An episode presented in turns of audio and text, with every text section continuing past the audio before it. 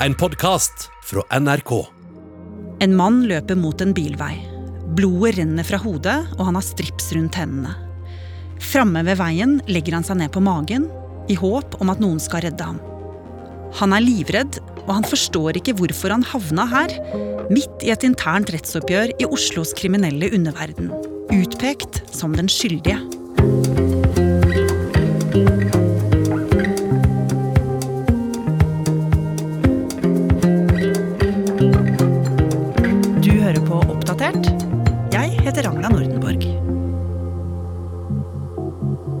6.6.2017 så var jeg hjemme i leiligheten min i gamlebyen i Oslo.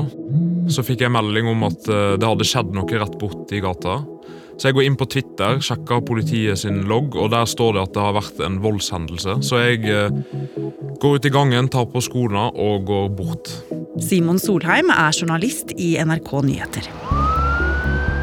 Eh, Det som møter meg der, er et hav av blålys.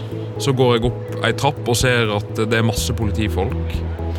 Eh, Det kommer politifolk ut av blokka med skjold. Det er beredskapstroppen som er her. Det er hundepatrulje som gjør søk utafor. Og jeg skjønner at det her eh, er alvor.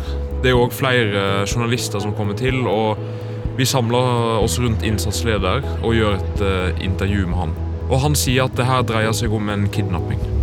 En mann i 20-årene er kjørt til sykehus etter å ha blitt utsatt for vold i Lodalen i Oslo. Væpnet politi rykket ut etter flere meldinger om at en skadet mann lå på bakken etter å ha blitt utsatt for vold. I dagene etterpå så jobber jeg videre med den saka som eh, journalist, og politiet òg går jo ganske bredt ut. De eh, aksjonerer mot flere og pågriper vel rundt eh, åtte stykk. Og Samtidig så jobber jeg òg med å få kontakt med han som ble utsatt for vold. Og jeg klarer det, og har kontakt med han via Messenger. Og jeg får bilder fra han mens han ligger i sjukesenga. Og på de bildene så ser jeg at han har bandasje rundt hodet. Han har jo fått brudd på skallebeinet, og han har eh, måttet sy flere sting i hodet etter to eh, dype kutt. Og kneskålen hans uh, har blitt redda mest sannsynlig fordi han hadde på seg ei MC-bukse. Ja. Og det som hadde skjedd med Jakob, som du kaller han, det er jo rett og slett litt av en historie. Ja. Eh, Jakob han er født i 1987, og han bor i Groruddalen i Oslo. Allerede i tenåra så begynte livet å lugge. Han eh, begynte å ruse seg, og han eh, ble etter hvert dømt for vold, narkotikalovbrudd og ran. Men i 2017, da han var 30 år, så tok livet hans en ny retning. Da reiste han til heimlandet til foreldrene, og han begynte å ta religionen sin på alvor, som han sjøl sier. Han ble religiøs, og han begynte å faste. Så kom han hjem, og han hadde rene tisseprøver. Han prøvde å få seg jobb, så livet gikk jo egentlig ganske bra. Men eh, midt på natta så får Jakob en melding. Klokka er 02.21 når han eh, blir kontakta på Facebook av en mann han ikke kjenner. Han blir beskyldt for å ha stjålet noen filmer. Og så snakker de eh, fram og tilbake, og Jakob sier at jeg er ingen buffer, så han skjønner ingenting av hva han snakker om. Og det ender med at han blokkerer han til slutt. Så blir han kontakta gjennom natta og dagen etterpå av flere personer, og til slutt så skjønner Jakob at han må finne ut hva er det som skjer nå. De som kjenner meg, de vet like godt som meg, og alle andre som kjenner meg, at jeg er ikke en bøffer. Det har ikke vært min stil. At jeg er en person som Når jeg spiser, så gjør jeg opp for meg. Jeg lar ikke regninga være igjen til andre, da. Så det han gjør da, er at han tar kontakt med en slektning som bor på Holmlia og kjenner mange. Og det blir organisert et møte utafor en Joker-butikk. På det møtet så er det kanskje åtte til ti personer. Og eh, Jakob får da vite at han er hovedmistenkt etter at et eh, stort hasjparti på 60 kilo er vekke. Det har da en gateverdi på rundt 4 millioner kroner. Og Da blir Jakob eh, skikkelig stressa. Han skjønner at det her er veldig alvorlig. Så de står jo og prater, og etter hvert så tror jo Jakob at han eh, får mistanken vekk fra seg sjøl, og at det her bare er en misforståelse. Det samme tror òg familiemedlemmet, så han eh, reiser hjem. Men det er ikke over. For Jakob han eh, får beskjed om at det er flere som må overbevises, så han blir med inn i en bil. Han har sagt til meg at han gjorde det frivillig, men allikevel ufrivillig. For han sa at uh, hvis jeg ikke hadde blitt med, så hadde jeg vært tjuv. Så kjører de ned og stopper utafor ei boligblokk i gamlebyen i Oslo. Der får han øye på en han kjenner til, naboen hans, Mohammed, som vi har kalt han i historien. Og han syns jo det er veldig rart at uh, han er der, og spør han uh, Jeg visste ikke at du hadde sånne venner. Så går de inn i leiligheta og setter seg i en svart skinnsofa. Og det Jakob har fortalt til meg, er at det er ganske hyggelig og god stemning der. De snakker om livet og fortida til Jakob. Og sa til dem at, at det ikke var noe liv, og at jeg har levd det livet før. Og jeg har sett det, og jeg har opplevd det da, inn og ut. Og at det går utover først og fremst dem foreldrene deres, søsknene deres. De som virkelig elsker dem, da. Og så kommer det flere personer inn i leiligheten, og da endrer stemninga seg uh, brått. De har med seg en pose som de legger på kjøkkenbenken, og i den posen så er det masse slagvåpen. Og Jakob får spørsmål hvor er varene, og Jakob svarer at han ikke veit. Og da blir jeg teipet rundt munnen, da. Og så får jeg et slag med øks i huet, og det begynner å renne blod nedover på bakken. Og så blir jeg angrepet fra alle kanter med hammer, øks og batong. Og så får jeg slag og spark i samme slengen. Teipen blir åpna igjen, så spør han meg liksom Fortell hvor varen er.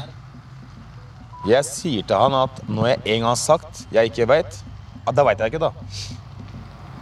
Så truer han meg med at vil du at barna dine skal være uten faren sin? Jeg kjenner liksom at hjertet mitt pumper, og jeg er redd. Så gjentar og gjentar det her seg. Han blir mishandla, og han blir stripsa rundt hendene. Og så roper han 'hjelp, jeg dør'. Og så får jeg et siste slag med øksa rett i tinningen. Da så jeg bare blodet bare sprute fra alle kanter. Og så hører jeg en sånn suselyd. Jeg ser at det begynner å bli tåkete. Og så hører jeg et løp. Og så hører jeg en person si 'tempe leiligheten'. Men de rekker jo ikke det her. Det er ingen som vil være igjen der og bli tatt. Og så ender det med at han blir forlatt i sitt eget blod.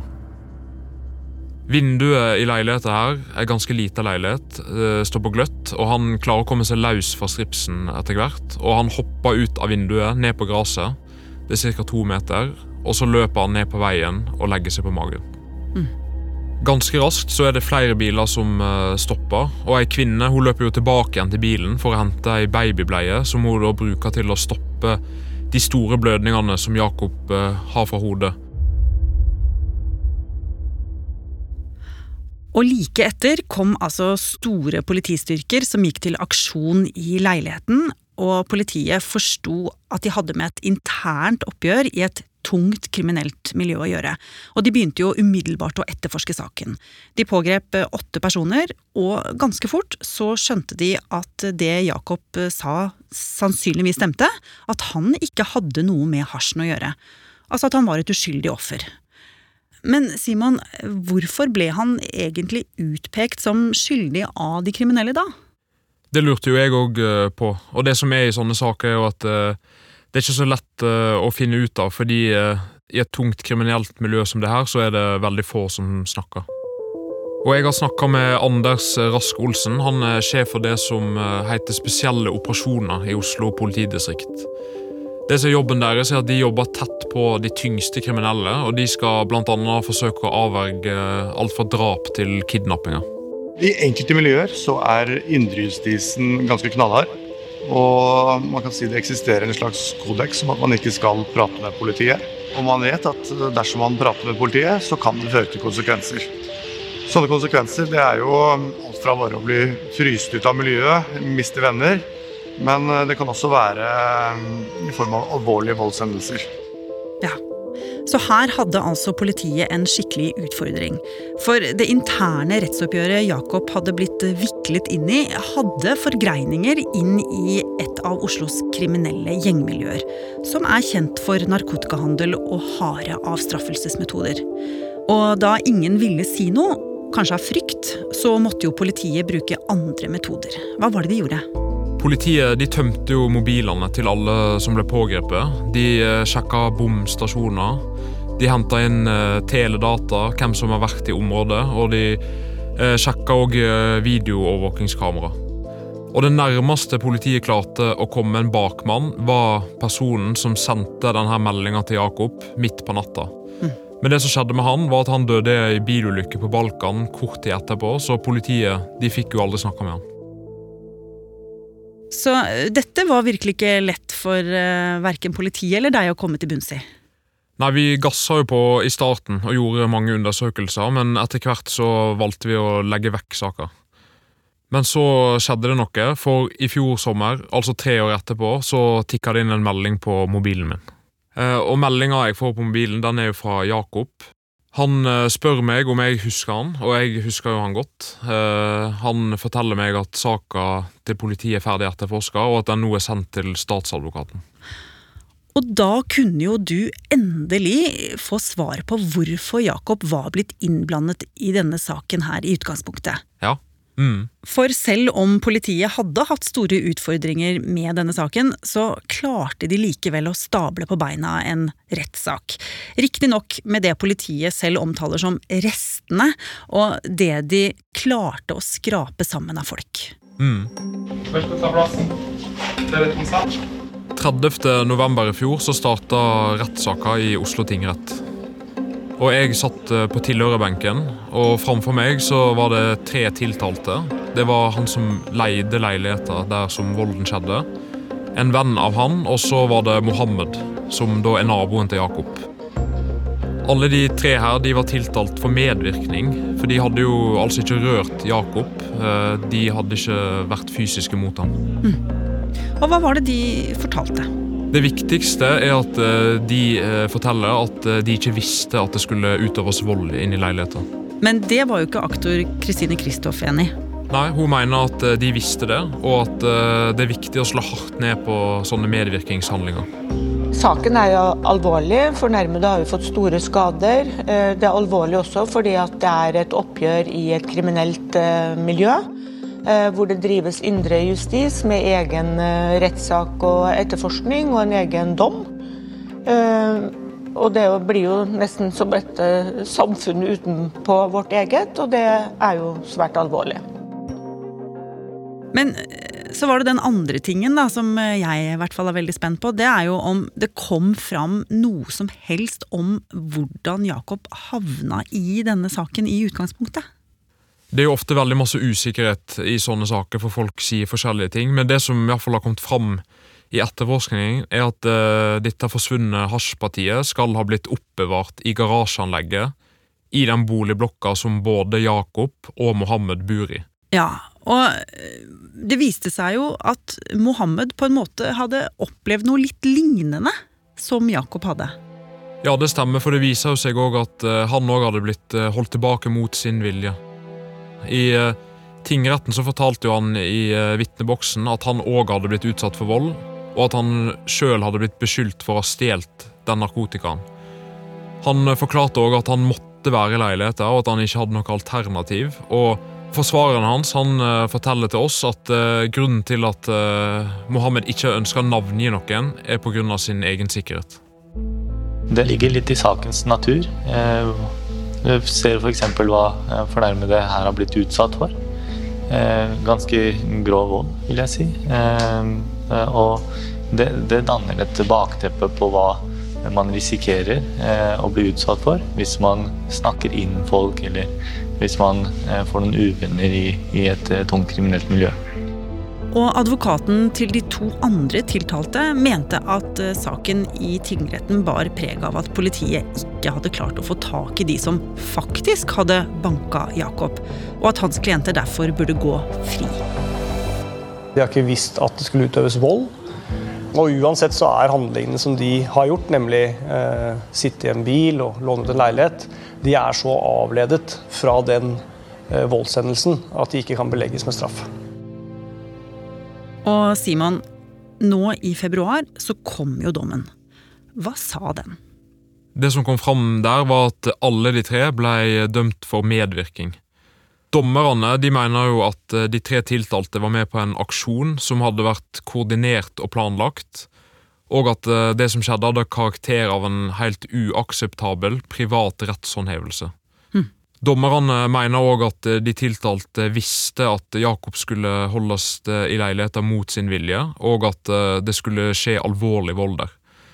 Og det de òg legger vekt på, er at alle tre kjente til det kriminelle miljøet som forsøkte å finne den narkotikaen, og metodene deres. Ja, så bakmennene i denne saken, de klarte aldri politiet å sirkle inn, og de går fremdeles fri. Men tre av de som var med på å muliggjøre all denne volden, de ble altså dømt. Det stemmer. Og når det gjelder Jakob, så har vi jo muligens fått et slags svar på at fordi han bodde der han bodde, og hadde den fortida han hadde, så ble han ufrivillig involvert i denne saken. Men jeg sitter jo fortsatt og lurer på hvem var det som tok han inn i denne saken? Var det Mohammed?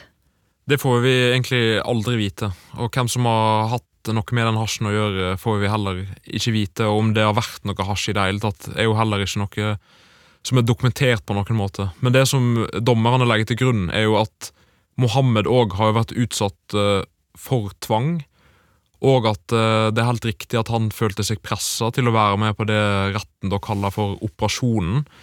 Men det de legger til grunn, er at han hadde handlingsalternativ. Han var ikke i en nødsituasjon. Han burde enten varsla politiet eller kommet seg unna.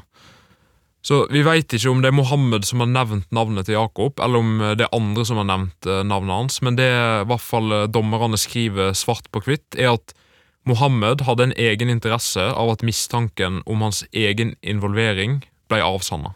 Ja, altså at han fikk mistanken skjøvet over på noen andre. Det er riktig. Så til tross for at politiet har brukt mye ressurser på å finne ut hvem som mishandla Jakob, så får han trolig aldri vite det. Og du har jo hatt kontakt med han i flere år nå. Hvordan går det med han? Han har jo fått store psykiske skader etter det som skjedde. Han har jo fått posttraumatisk stresslidelse og panikkangst. Men denne situasjonen her har jo egentlig fått han til å ta enda mer tak i livet sitt. Han uh, har uh, begynt å utdanne seg som såkalt erfaringskonsulent. Så han har jo nå en uh, drøm om å kunne jobbe med å hjelpe de som sliter i livet. Og de tre tiltalte, som ble dømt til henholdsvis fem, seks og sju måneders fengsel, har anka dommen fra tingretten.